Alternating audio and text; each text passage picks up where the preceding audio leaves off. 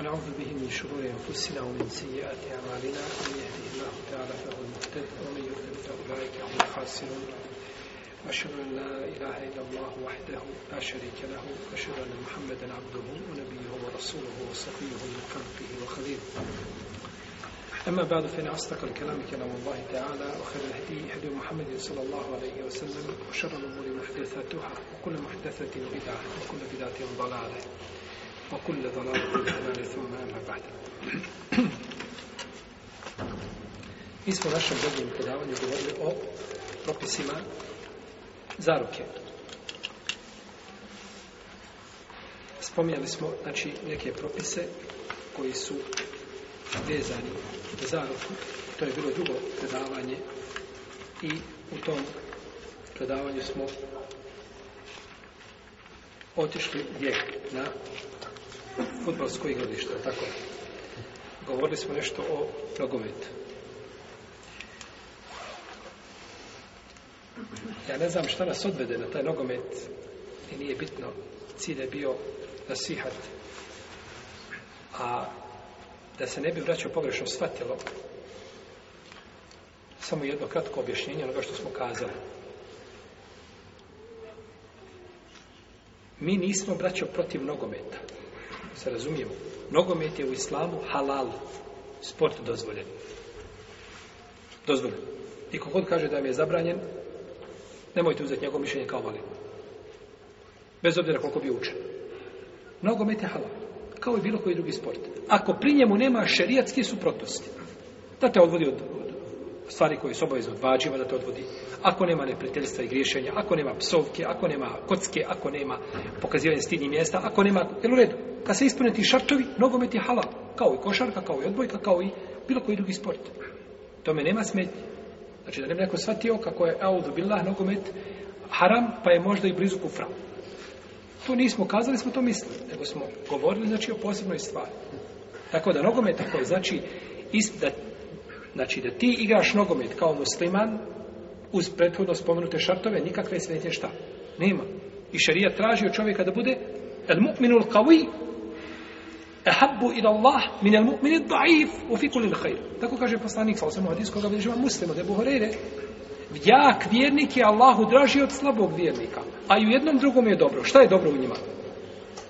Vjera, to što su vjernici, samo što je to je vjernik, to je, to je, to je dobro. Ali je bolji onaj koji je šta? jači, u svome, jači tjelesna snaga mu jača.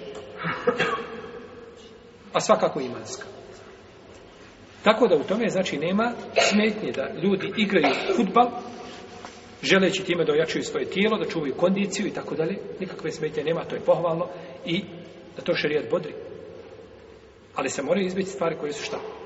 Zabranjene. Mi smo protiv vatrenih navijača onih koji ruše temelje vjere. Protiv toga smo.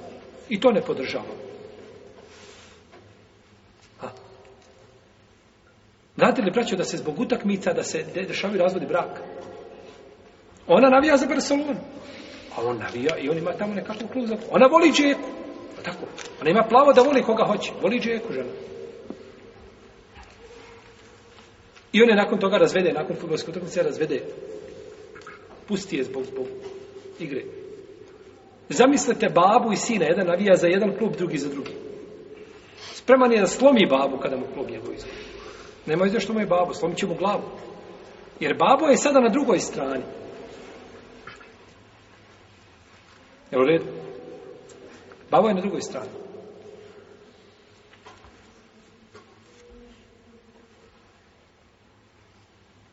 Čovjek Braćo, znate li da ima ljudi da dobiju srčani napad zbog toga što mu njegov klub izgubi?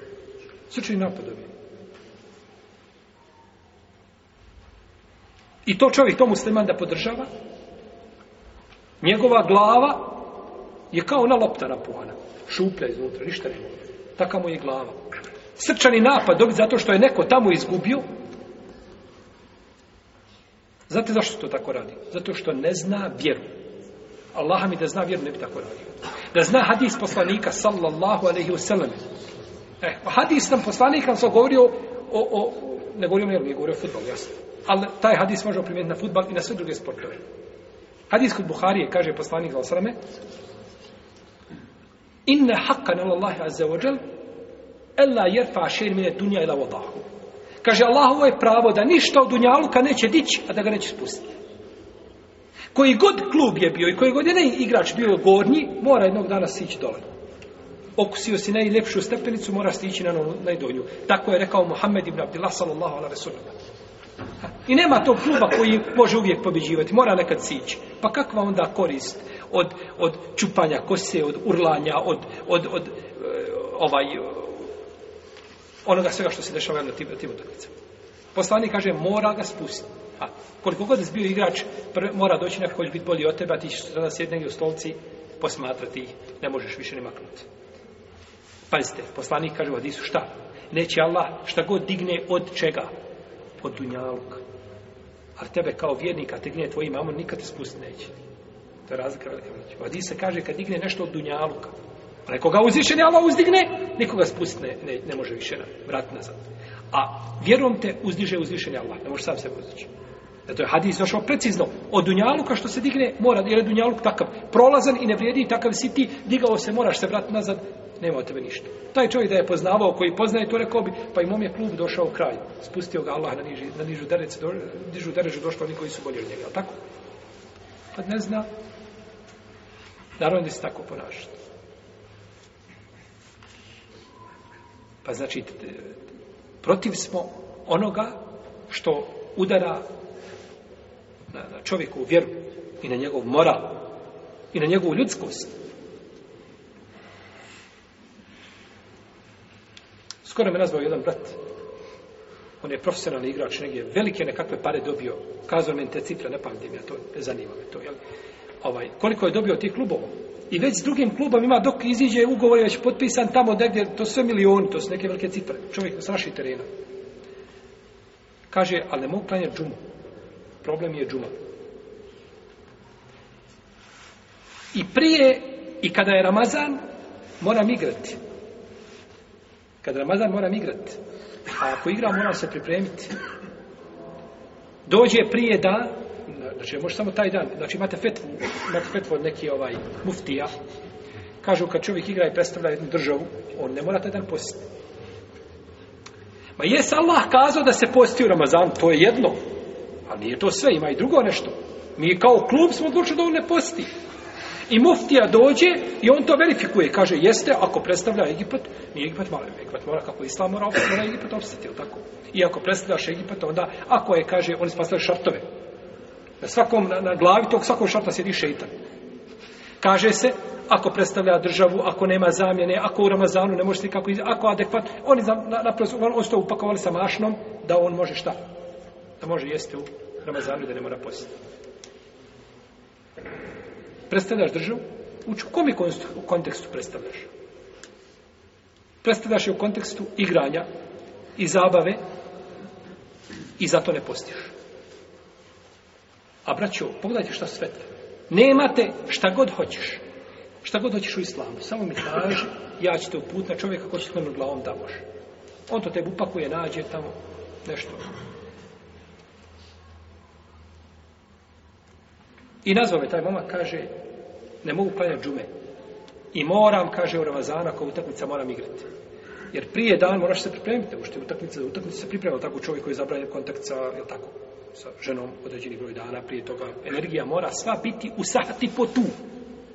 Ništa ne smije i dođe, kaže, prije toga na par dana dođe i gleda šta jedeš, da li si toliko vitamina popio, da li si toliko droge popio, ješ, ješ Kaže, šta da radim? to ti je haram. Zabranjeno ti postiti moraš. Haram ti je da igraš, ne smiješ igrati u takvom klubu.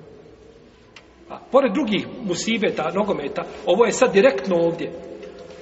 Kaže, Allah, mi ja sam, kaže, spreman i prihvatam Allahov, kaže, zakon i kaže, ja ću to odkazati sve.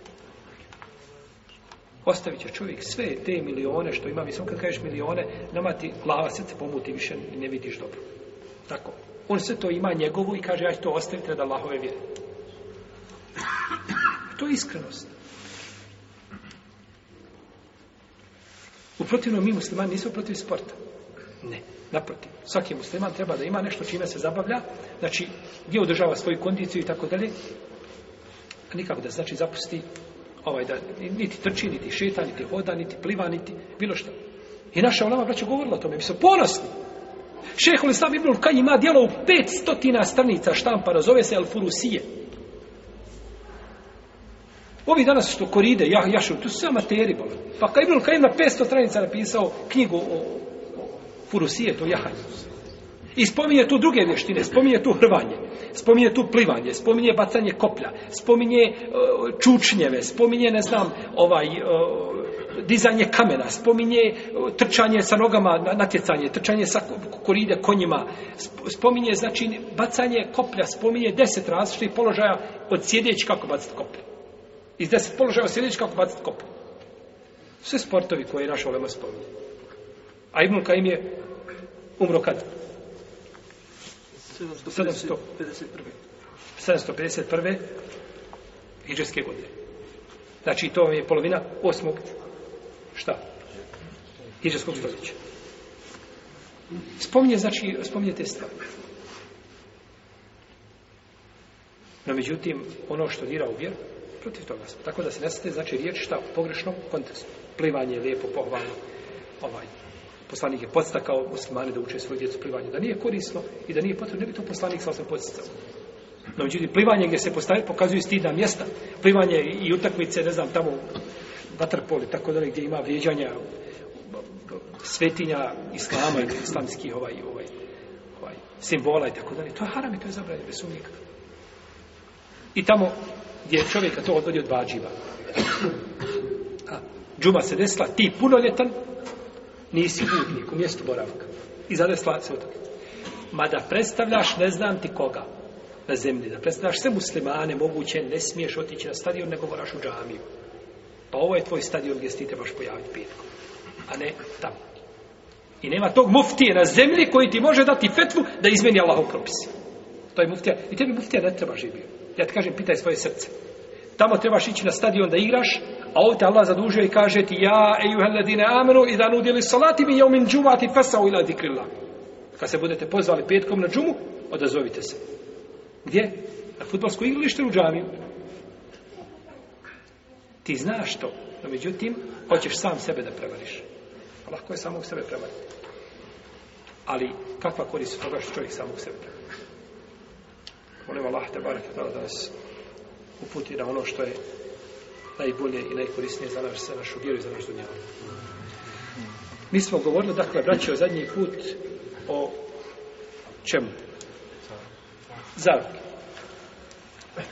Sad ćemo govoriti o propisu odustajanja od zaruke. Odustajanje od zaruke. Kazali smo, braćo, da sama zaruka po sebi nije šta? Šart Bračni ugovor. Niti je šart, bravo. Niti je šart, niti je bračni ugovor. Nego je to načelno obećanje za brak. To je znači hitba u šarijatu. Tako, a braćo, znajte, da kod islamskih učenjaka, kod džumhura, obećanja ovakve prirode nisu obaveza da se ispunjavaju. Obeća čovjek, kupćava te tebu auto, išala dopala mi se ova tvoja fića, kupit ću je. U redu? Lijepo auto, ja ću je kupiti. I nakon toga odustaneš. Nisi griješan. Nisi mu obećao, nisi, nisi kupio. Nisi kupio. Znači to obećanje nisi obavezan da ga šta. Ali je lijepo da ga ispuniš. Čovjek došao i zaručio ženu. Šta znači zaručio ženu? dao načelne pristake načelno nekakvo obećanje ili dobru volju da će on nju ženiti. I ona pristala. Jel u redu? I on je I nakon toga, kaže, staratelj primijeti nešto da je preče i da on odustane od te šta? Od te bračne veze. Na primjer, djevojka je bila završavala studije i on kaže neće završiti studije kod mene sigurno, znači to sam uradio, radi kazao tako i tako, neće završiti lijeko I to dođe do staratelja, on odustane. Radi koristi čega? Koristi djevojke. Nema nikakve smetnje u tome. Da odustane ako vidi, on ako vidi korist, nema znači smetnje isto tako da odustane. Može se znači slobodno u tom slučaju znači odustati. Jer naročito braću, što bračna veza je životni ugovor. Ti možeš auto promijeniti svako, samo odeš na auto pijacu, tako i svako svakog ponedjeljka ga mijenjaš. Jel u redu? To nije sporno. Ne može ženu svaki dan mijenjati. Sve iz bračne veze u bračnu vezu ulaziti. Pa je to životni ugovor koji se je osnova je da se životni, da se brak, znači ženi čovjek da bi živio šta? Do života sa tom ženom. I govorili smo o propisu čega? Braka na određeno vrijeme. Muta i govorili smo o ni propisu braka sa nijetom talak. I kazali smo da jedno drugo nije ispravno širijetski, da je zabranjeno. Pa osnovno da sklapaš s tom ženom ugovor da živiš sa njom što mi kažemo do groba, jel tako? Dok, ne, dok se nastavi smrt, a može se desiti prije toga talak, jel tako? Pa dobro treba paziti kod tog ugovora. Pa nema smetnje da se No međutim, ako nema razloga, braću, čovjek samo tek tako odustaje, onda je mekruh. Zato što šta? Poriče sam svoje riječi. A čovjek kada nešto musliman obeća, treba gledati to ispod. Naročito, braću, mekruh biva, dobiva posebnu formu i dimenziju, ako je taj čovjek došao kod te djevojke, zaručio je i svi znaju sredina da je zaručio i drugi niko ne prilazi više da je prosi, gotovo je. A, ona je, znači, kao da je skopljena bračna veza. I nakon toga da je ostavio tada mekru dobija jednu posebnu dimenziju. Jer tada ju šteti, je tako? Gotovo, svak, pročulo se svugdje da si ti mene zaručio i da sam ja tvoja i bilo dogovoren. I onda šta se dešava? Kaže, vjerovatno je tu upetljala prste ko? Majka njena, je tako? Punica. Punica probleme pravi, je tako uvijek? Punica je upetljala prste i onda niko više ne dolazi, neće više da želite te djevojke, niti se obraća, kažu tu vjerojatno ima nekakvih problema, dok je ovaj odustao. E, tada je, znači, ovaj Mekru vrste Znači, to se ne bi smjelo dešavati. Dobro. Čovjek ženu zaručio i dao joj hedija, jel tako? Kad se zaruči, daju se hedije, jel tako? I poklonio joj nešto. I nakon toga odustane. Kakav je propis tih poklona? Što je dao? Ti pokloni koje je dao mogu se podijeliti u dvije vrste. Ili joj je dao poklon koji je hedija, dar joj, ili je dao poklon kao mehar.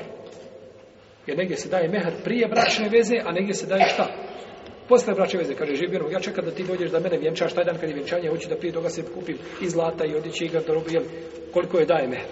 Kod nas naravno toga nema, braće, ovo što mi pričamo je vezano za arapski svijet. Kod nas je mehar, 50-100 maraka, 200 koja dobije, to je i to je heri, to je bereket. I bereket je u malom no, međutim, u arapskom svijetu, znači, ovaj, znate li, vraćaju da čovjek, kaže mi jedan profesor, kaže, vidio sam čovjeka koji kaže, pet miliona eura tražila mlada mehr. I babo odbio da dadne. Babo, mladoženje, odbio da dadne, kaže, samo da ljudi ne pričao da sam lud. Nije zato što ih nema. I 5 miliona je kod njega, kod tebe 5 maraka. No, međutim, kaže, pričat će ljudi svašta, kaže, pa neću da otvaram ta vrata ljudima. Jel? Znači, ponekad se daju, znači, mehru veliki, tako. I čovjek je dao nešto. Nekad daje se prije bračne veze, a nekad šta? Poslije bračne veze. Ako da se poslije bračne veze, tada je gotovo. Jer bračna veza dođe, to je pravo žene zbog naslađivanja supruga sa ženom. Jel? Ali prije nego što ima sa njom bilo kakav kontakt. Nije se osamio sa njom, ništa nema, ništa sa njom.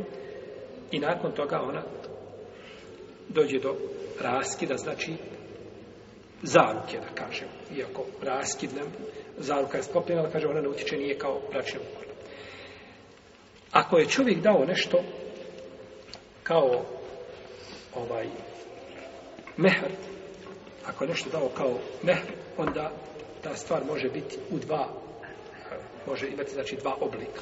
Prvo, da je ta stvar koja je dadena,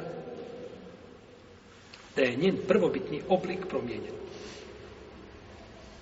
I da hajmo ovu prvu, da je zadržan. Kupio je, na primjer, zlatnu ogrlicu. I kupio je zlatni prste u redu? I dao joj to. I nakon toga dođe do raskidanja zaruke. u redu?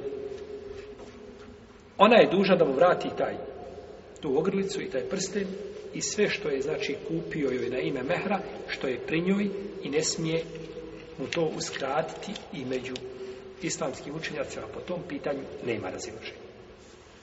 Kupio joj, ili ogrlicu zlatnu, kupio je, ne znam, auto, mehri joj dao.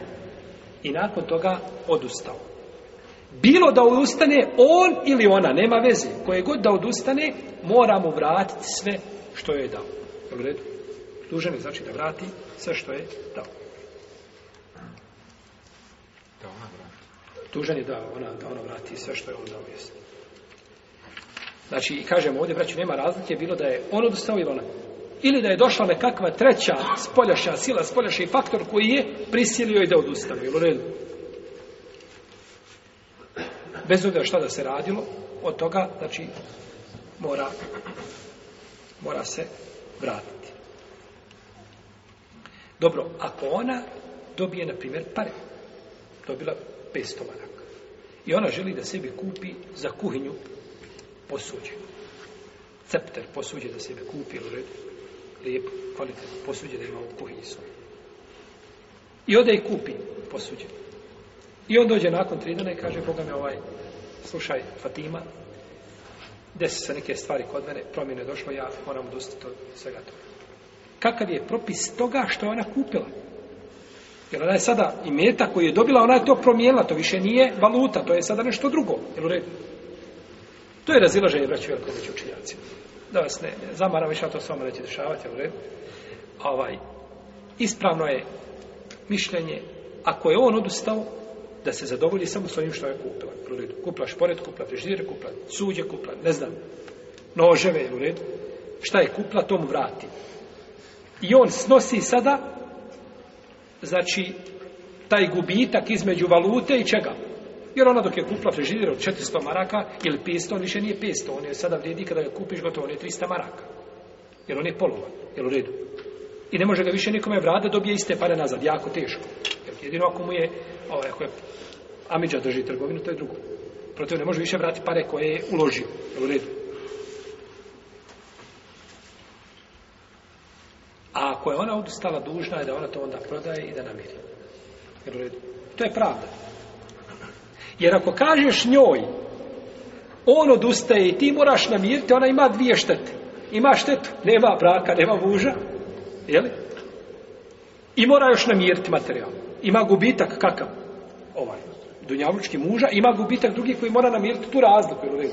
A njemu ako kažeš da on mora ovaj prihvat to kako jeste, nakon njenog odustajanja, kod njega se napravio dvije štete. Nema braka, nema mlade, jel u redu, i ima šta? Gubitak materijala. Pa nije, jel shvatate? E, nekako me, ne, nijemo me gledate nekako. Jeste razumjeli? E, znači imali bi, on bi imao dva gubitka i ona bi imala dva gubitka. Ako kažemo da ona mora namiriti nakon njegovog odustajanja, ili ako kažemo da on mora prihvatiti kako jeste nakon njenog odustajanja. Ne, nego ispravno kazati ne. Ako si ti odustala živa bila, onda snosi to. U protivnom, neka on, ako on odustao, neka on prihvati to kako jeste, ili da to pokloni i to mu je džajz i to mu je najbolje da uradi. No, međutim, ima pravo potpuno da vrati, to je njegov, to je njegov, jeli, to je njegov imit. Dobro. Hajmo sada na pitanje hedija. Je tako? čovjek kada se zaruči, često dese mladi hediju na kakvu tako da, da tako, da se podvuče po podkožuju, tako, da je kupi srce njeno, tako, pa kupi hedije. I to je lijepo, to je pohvalno. Kupio hedije. Šta ćemo sa hedijama? Kaže Ulema, jedni kažu ovako, jedni kažu ovako. A imamo četiri mišljenja. Imamo četiri različite mišljenja, braću, po tom pitanju šta ćemo sa hedijama. Kaže naš imam, Ebu Hanife, rahimahullah ta'ala, tajjebe sara, Kaže, dozvoljeno je čovjeku da vrati sve što je dao. I sve što je ostalo u njenom vlasništvu od onoga što je poklonio, dozvoljeno je da je vrati. I ona je duža to da vrati. Kažu neki učenjaci Malikijske pravne škole, jedan dio njih, kažu neće vrati ništa. Potpuno drugo mišljenje, potpuno druga slika. Neće vratiti ništa. Osim ono što je uslovio ili ako je običajno pravo kod ljudi da se šta? Da se vraća. Znači ima Malik, odnosno ne ima Malik, nego jedan dio malikijskih učenjaka sudi shodno čemu? Običajnom pravu. Pa kaže, ako se običajnom pravu vraća, vraća, u protivnom ne vraća. Ili ako je on kada je on predavao, evo ti bila, živa bila od mene hedija, ogrlice narupice ili prste, nije bitno. Ali ako Allah dadne, pa ne dođe do sklapanja bračne veze, ti ćeš to mene vratiti. Nego to, tada je postavljen šart. Jer tada je postavljen šart. Omer ibn Khattab, jedne prilike kako je kod Buhari u Sahiju, dao čovjeku konja da ide da se bori na, u džihadu. Pa je ovaj nije otišao, on je skoro uništio životinju. Pa kaže Omer, kaže Allah posljedči, ja bi je, kaže, kupio. Kaže, nemoj je kupovat, taman ti je dao za dirhem. Za jedan novčić. Ako ti je da, nemoj je kupovat. Gotovo. Znači to si dao i nemoj to vraćati, kaže onaj ko se vrati svome poklonu i daru, liči kao psu koji se vraća onome što je povratio, pa ponovo jede. Povrati pas i vrati se to. E takav je čovjek koji nešto da, pa to traži nazad. Gotovo dao si to. Zašto to tražiš nazad? Pa je to, znači, zabranjeno šarijetski. Imamo mišljenje, braćo, u Leme koje razgleduje hedije, hedije i hipe. Jedno i drugo je dar. Hedija je poklon, a hiba je dar. Pa učenjaci razlikuju jedni između jednog i drugog. Kažu, kažu da se hedije daju a kada čovjek želi nekakvo protuuslugu, a poklon dar se daje bez protuusluge. A čovjek kada je došao i ponudio toj ženi tu ogrlicu. Jer je dao za protuslugu. Yes. Koja je protusluga? Brak. Bravo. Brak je protusluga. Njihov zajednički život. Znači, očekuje od nje s druge strane, ne očekuje da ona njemu kupi, ne znam, srbne prste. Ne očekuje to, ali očekuje da će stupiti u bračnu vezu i da će ona imati na umu njegovo dobročinstvo šta prema prema njoj, jel tako? Jer se ljudska srca kupuju dobročinstvom prema njima. I najlakši put do ljudskog srca jeste dobročinstvo prema čovjeku. Nema lakšeg puta. Pa kada je to dao, on je to dao sa ciljem. E, kažu, zato mu je dozvoljeno šta da. A ono što se da bez traženja protuusluge, to je, to je znači, to ne treba čovjek da traži. Imamo četvrto mišljenje koje je odobro šehol te i i neki drugi učinjaci, poput Ibn Rušta a, Rafija od šafijskih brušta, od malikijskih učenjaka koji kažu da ako on odustane, da ne traži. A ako on odustane, da mu vraća. Jel u redu? I ovo mišljenje ima svoje mjesto. Ima svoju, znači, ima svoju jačinu. Ovo našto, vraća ako je ostala stvar u prvobitnom stanju, ali da se traži nešto što je od čega čelo čovjeka rosi. Znate što znači to? Se čovjek stidi. Traži. Odveo si je, jedan dan odveo si nju i njenog babu na ručak. Došao se kaže, čak i na ručak sam to odveo, koštao me ručak 60 maraka. I to mi trebaš vratiti. Jer stvari koje se, a to se dešava, to stvari koje izlaze van okvira, znači ljudskosti, a kod muslimana. A ono što je ostalo u prvobitom stanju, to će tražiti, to, to se treba vratiti. Dobro. Ako odustane od zaruke, je li mu dozvoljeno da traži kakvu naknadu materijala? Jedan dio učenjaka današnjice savremeni kaže da je dozvoljeno čovjeku da traži naknadu. Jer on je imao kakve šta? Troškove. Kako je troškovi? Zemljice u svaki dan u Sarajevo. Jel' gore dole, silazio, ne znam. Troškova je sigurno bilo, ima nekakva, nekako, jel tako, nekakva je šteta nerešena. Kaže, treba, tako je kod kršćana. To kod kršćana, ne kod grupe, ne kršćana, ne taj ovaj, to, taj pravilnik, jel. Pa su neki vidjeli, kažu da to se tako namiri. Međutim, to je pogrešno. To nikad od fakiha njih niko spomenuo nije. A uvijek su mladići imali tako iz kufe, ako jaha ušam, imao je troškove, tako, puno veće nego onaj dođe auto izanice. To niko od nije kazao, niti je ovaj, uslovio da se mora nešto namiriti. Da se ta šteta znači mora na bilo koji način regulisati. I to nije ispravno iz, iz nekoliko razloga. Prvo što braćo, hitba je šta? Načelno obećanje. To nije bračni ugovor. To je samo bio načelni nekakav dogovor, ništa više od toga. I zašto onda da se nekome druga stvar, kad, se potpiše ugovor, kada, kada, e, to su znači druge stvari. Isto tako, ovo je suprotno, možemo kazati, konsenzus učenjaka, to niko spomenuo nije. I treća stvar, braću, to ponekad čovjeka tjera, ako bi morao da namiri, kaže, da, ako mora već namiriti, onda neće ni odustaviti, onda će joj ženiti takva kako jeste i gotovo. Dobro, Jesu da namirim 2000 maraka, bolje onda da oženim i imam 2000 maraka u džepu, tako? A ne želi da je šta? Ženi, pa si ga ti prisilio na šta, na na brak, a on ne želi taj brak. Tako da nije, znači, ispravno da se mora bilo, bilo šta znači da se mora, jel, se mora plaćati. Dobro.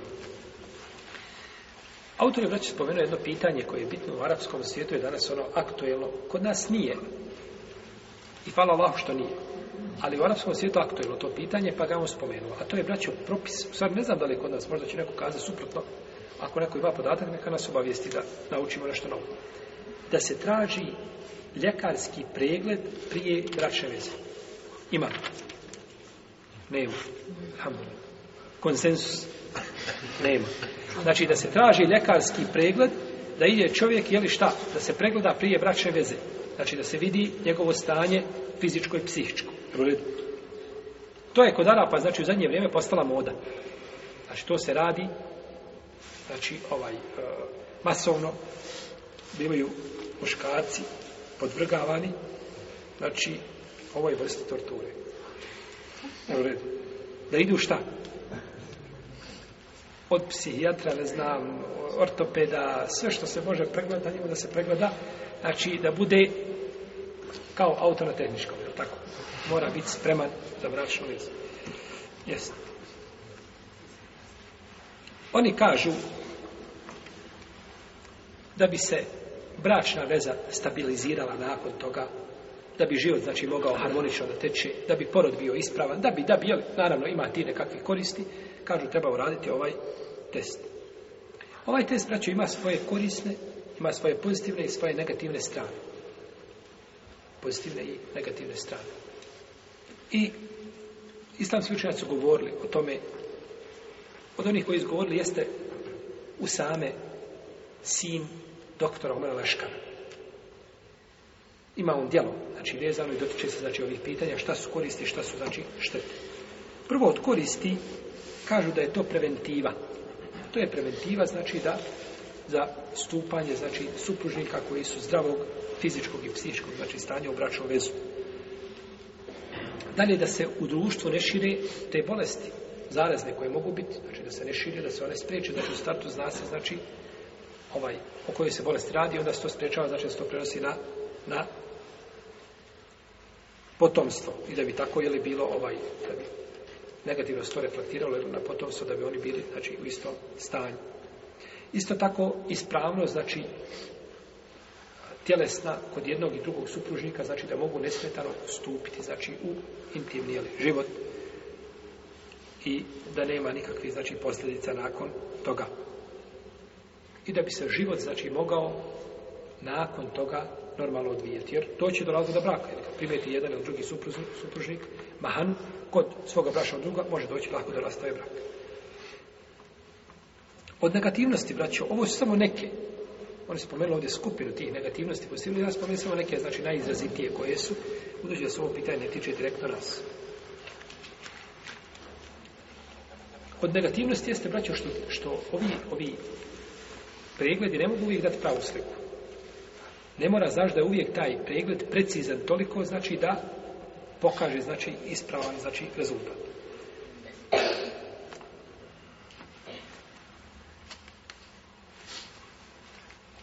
Pa zabraniš čovjeku da se ženi ženom ili da se uda za muža, a u stvari osoba potpuno, znači, ispravno. I dalje, ne mora znači da će nužno ta bolest koja ima pri toj osobi, da će biti šta i u porodu. To ne mora značiti.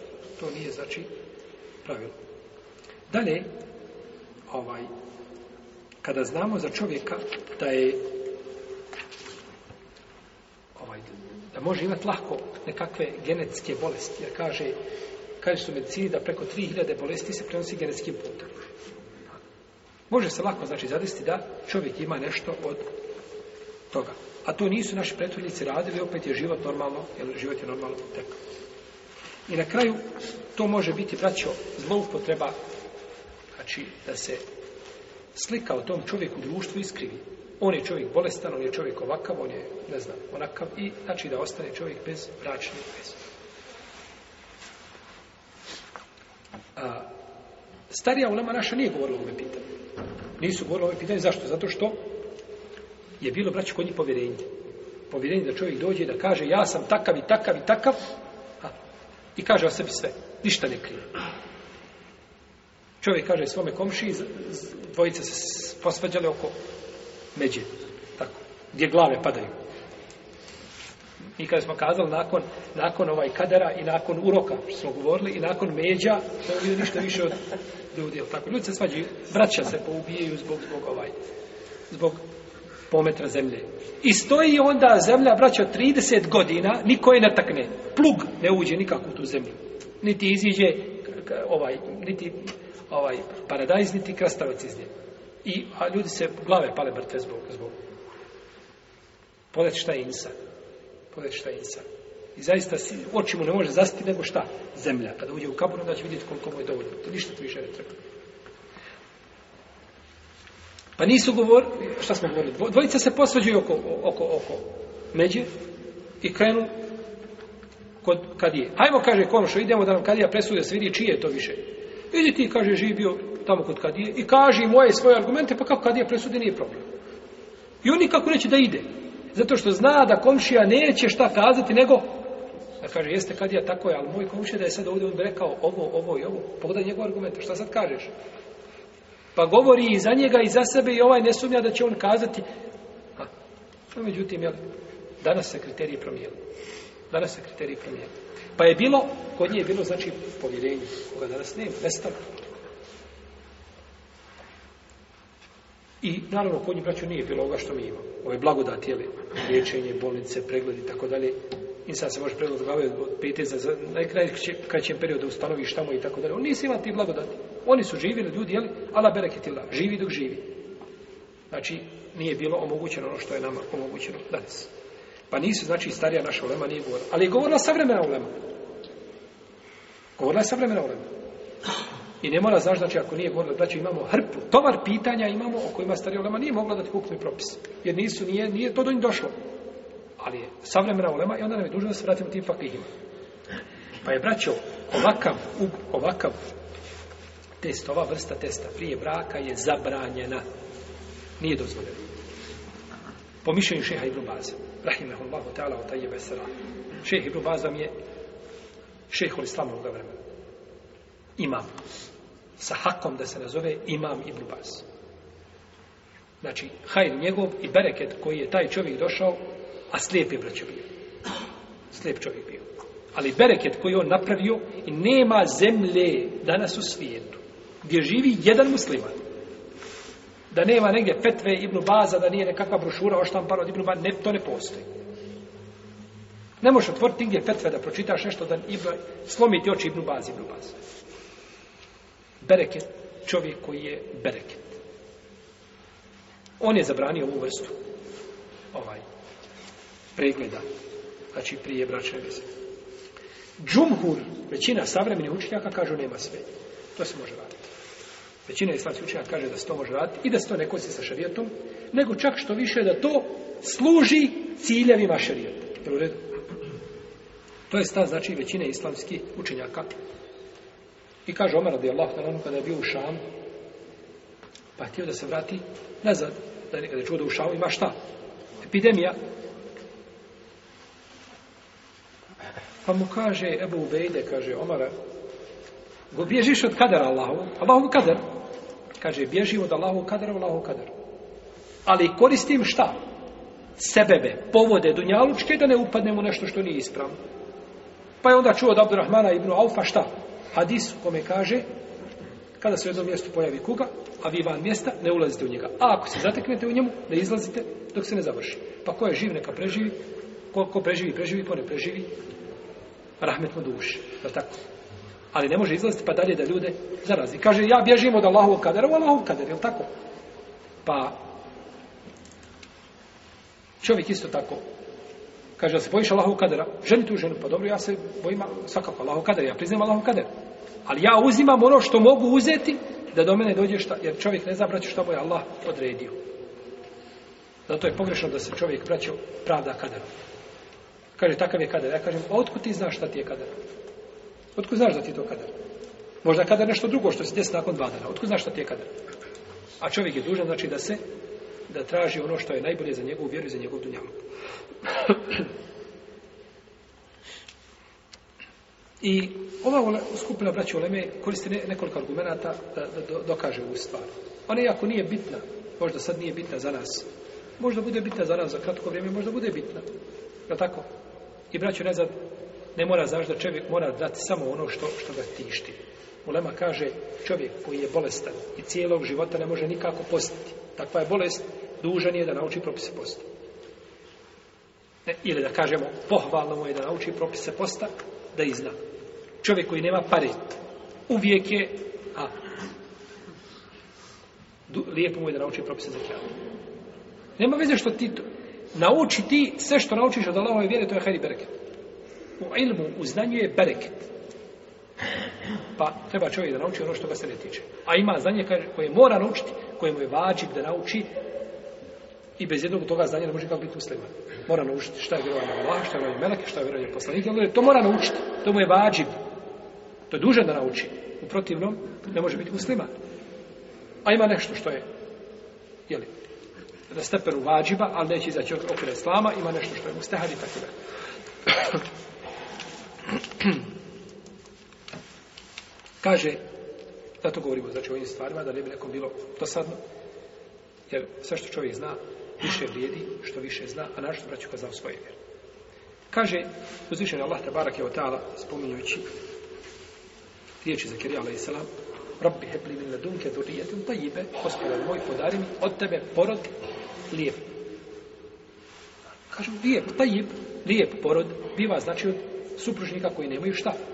Nikakvi bolesti, nikakvi smetnji, znači pri sebi. I kaže uzvišeni Allah te barek tala, uči nas kako ćemo doći, pa kaže Rabbena heblena min ezvađina o zurdijatina kurrate ali. Ođala li ima. Gospodar naš, učini nam u našim ženama i u našoj djeci, radost našeg oka. A kako će biti radost toka ako vidiš dijete da ti je hendikepirano, da je ovako, da je onako, jel? Znači nije radost toka, nego je čovjeku možda koliko ljudi ima žena dođe s takvim djetom i biva i to azab cijelog života. Mora stalno biti pored njega, dijete nije spremno, znači ni da jede, ni da pije, samostalno ništa cijelog života i ostane tako u kolicima možda.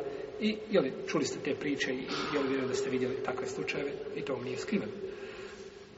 Dalje, kažu poslanik, sallallahu alaihi poslanik Islama, ljude podstiče da žene, žene koje s te strane ispravne, da pa kažete za uođu el wadud el walud, oženite ljubke žene koje rađaju. Feni mu kjastirun bikumul umem, ja ću se sa vama podnositi pred drugim umetima. A kako ćeš znati da je ona, da ona rađa? Kaže, zna se, po majka, po sestra. Ta loza, znači, ide, jel, loza ide i kažu, to je žena koja je, došla iz te loze. Isto tako ima predaje, braća koju obilježiva vam Malik Abdurazak Omara i prenosio svoje predaje spouzdanje da je Omar rekao, kaže ko prevari čovjeka sa ženom. Pazite. Nemojte odmah pomisliti na nešto, neko saslušajte do kraja predaje. Ko prevari čovjeka sa ženom? Udaje svoju pćirku. A prevari nekoga u pogledu te žene ne kaže šta je sa njom. Mahane. I ovaj da mehar. I on stupi sa njom braću vezu. Kome ide mehar? Mladi. Zbog kontakta. Dok čovjek ima odnos sa ženom, ona ima pravo na mehr. Doćemo do propisa mehr. Osim izuzeta kad bi napravila nemoral, tada jedan dio Leme je rekao, prisiljava je, pritisak čini na nju dok ona sama ne odostane. Doćemo do pitanja toga. Ali ovdje, ovdje zanima, kaže, kada bi on joj ne bi rekao, znači mahane i on je ožen, ima sa njom odnos, ona ima svoj mehr, a ovaj staratelj mora namiriti, ili taj koji je prevario mora da namiri njem mehr, da mu da isto kurčinu. Da vrati. Što ukazuje, znači da ove mahane su, i do, kad budemo govorili o razvodu braka, doćemo do pitanja kog? Prisilno razvođenje među supružnicima zbog mahane koji ima jedno dvoje. Pa ćemo doći do tog, znači, tog istog pitanja. Pa bi on morao različiti na mir u tom slučaju ili ovu štetu. I kazao je poslanik sallallahu alaihi ve La turidu al mumrida al musih. Nemojte miješati zdrave i bolesne deve. Ako se ne miješaju zdrave i bolesne deve, onda je preče da se ne miješaju šta zdravi bolesni, jeli? Ljudi. Znači da se ne miješaju nikako. Jer to dovodi znači do širenja te bolesti. I zato je Omer ovdje rekao, kaže ko pre, i kaže ovoj predaji se kaže, kaže Omer ovoj predaji, ako je žena kaže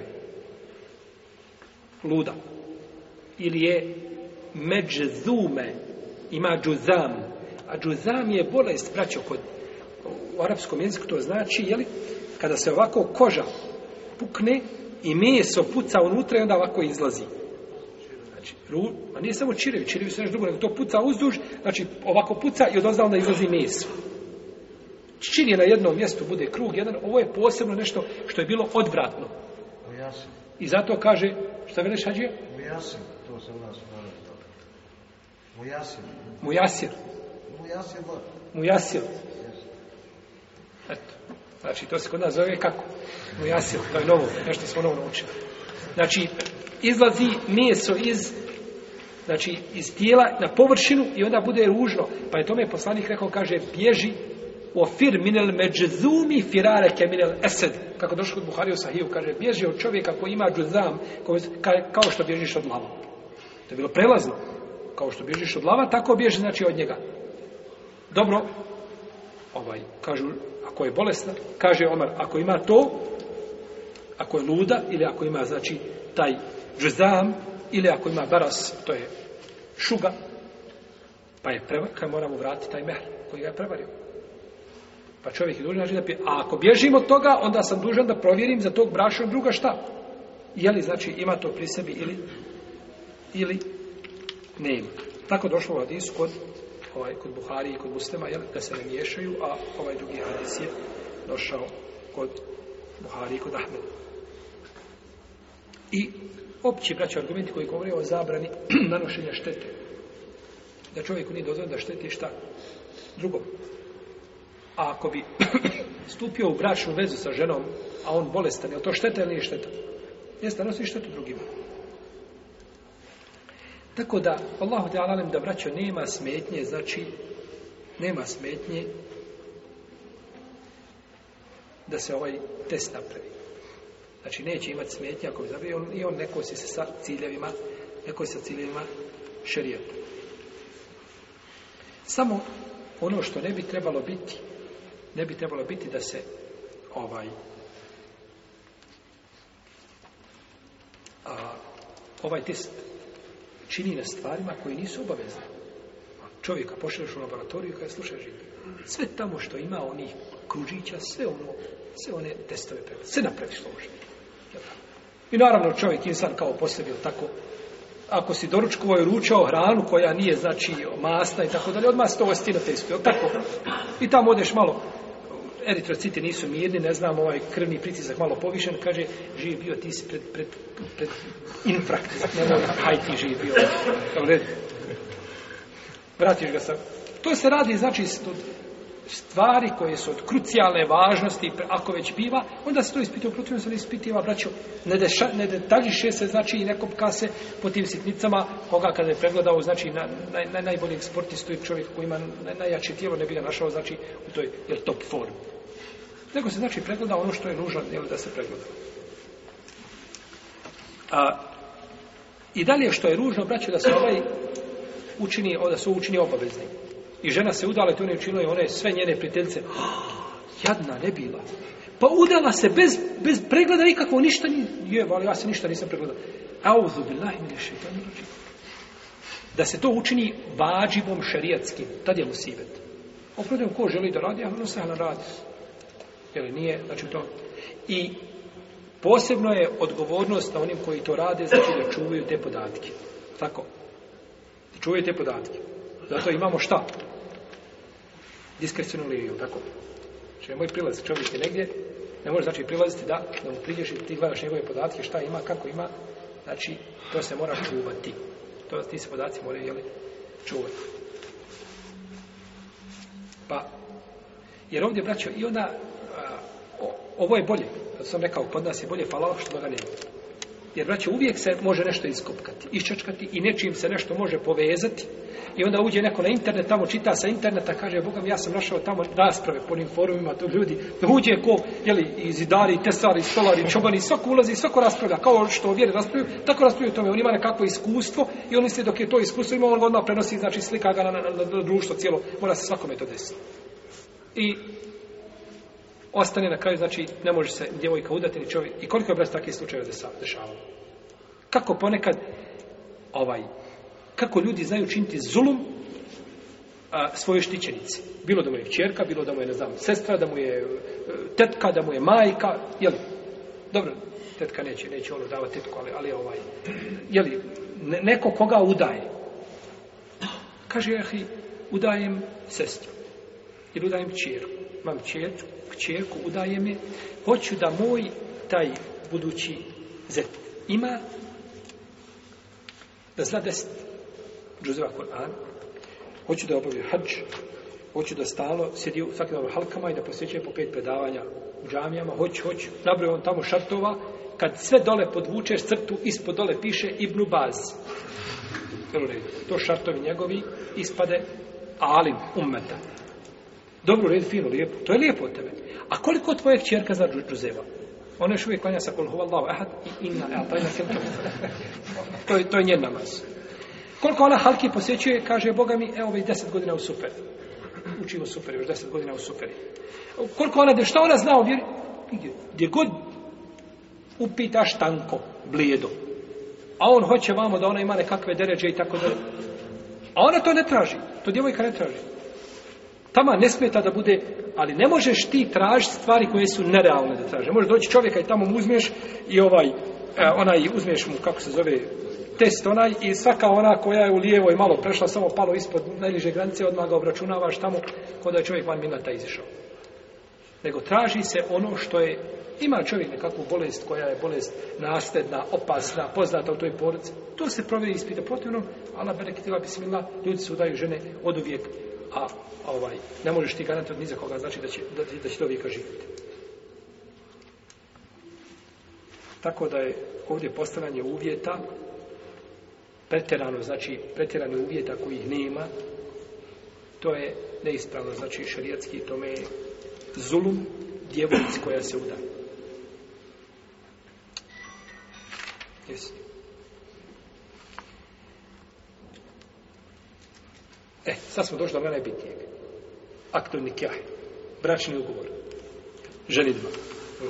Ovo je sve bila u u želidbu. Pa ćemo inša o tome u narednom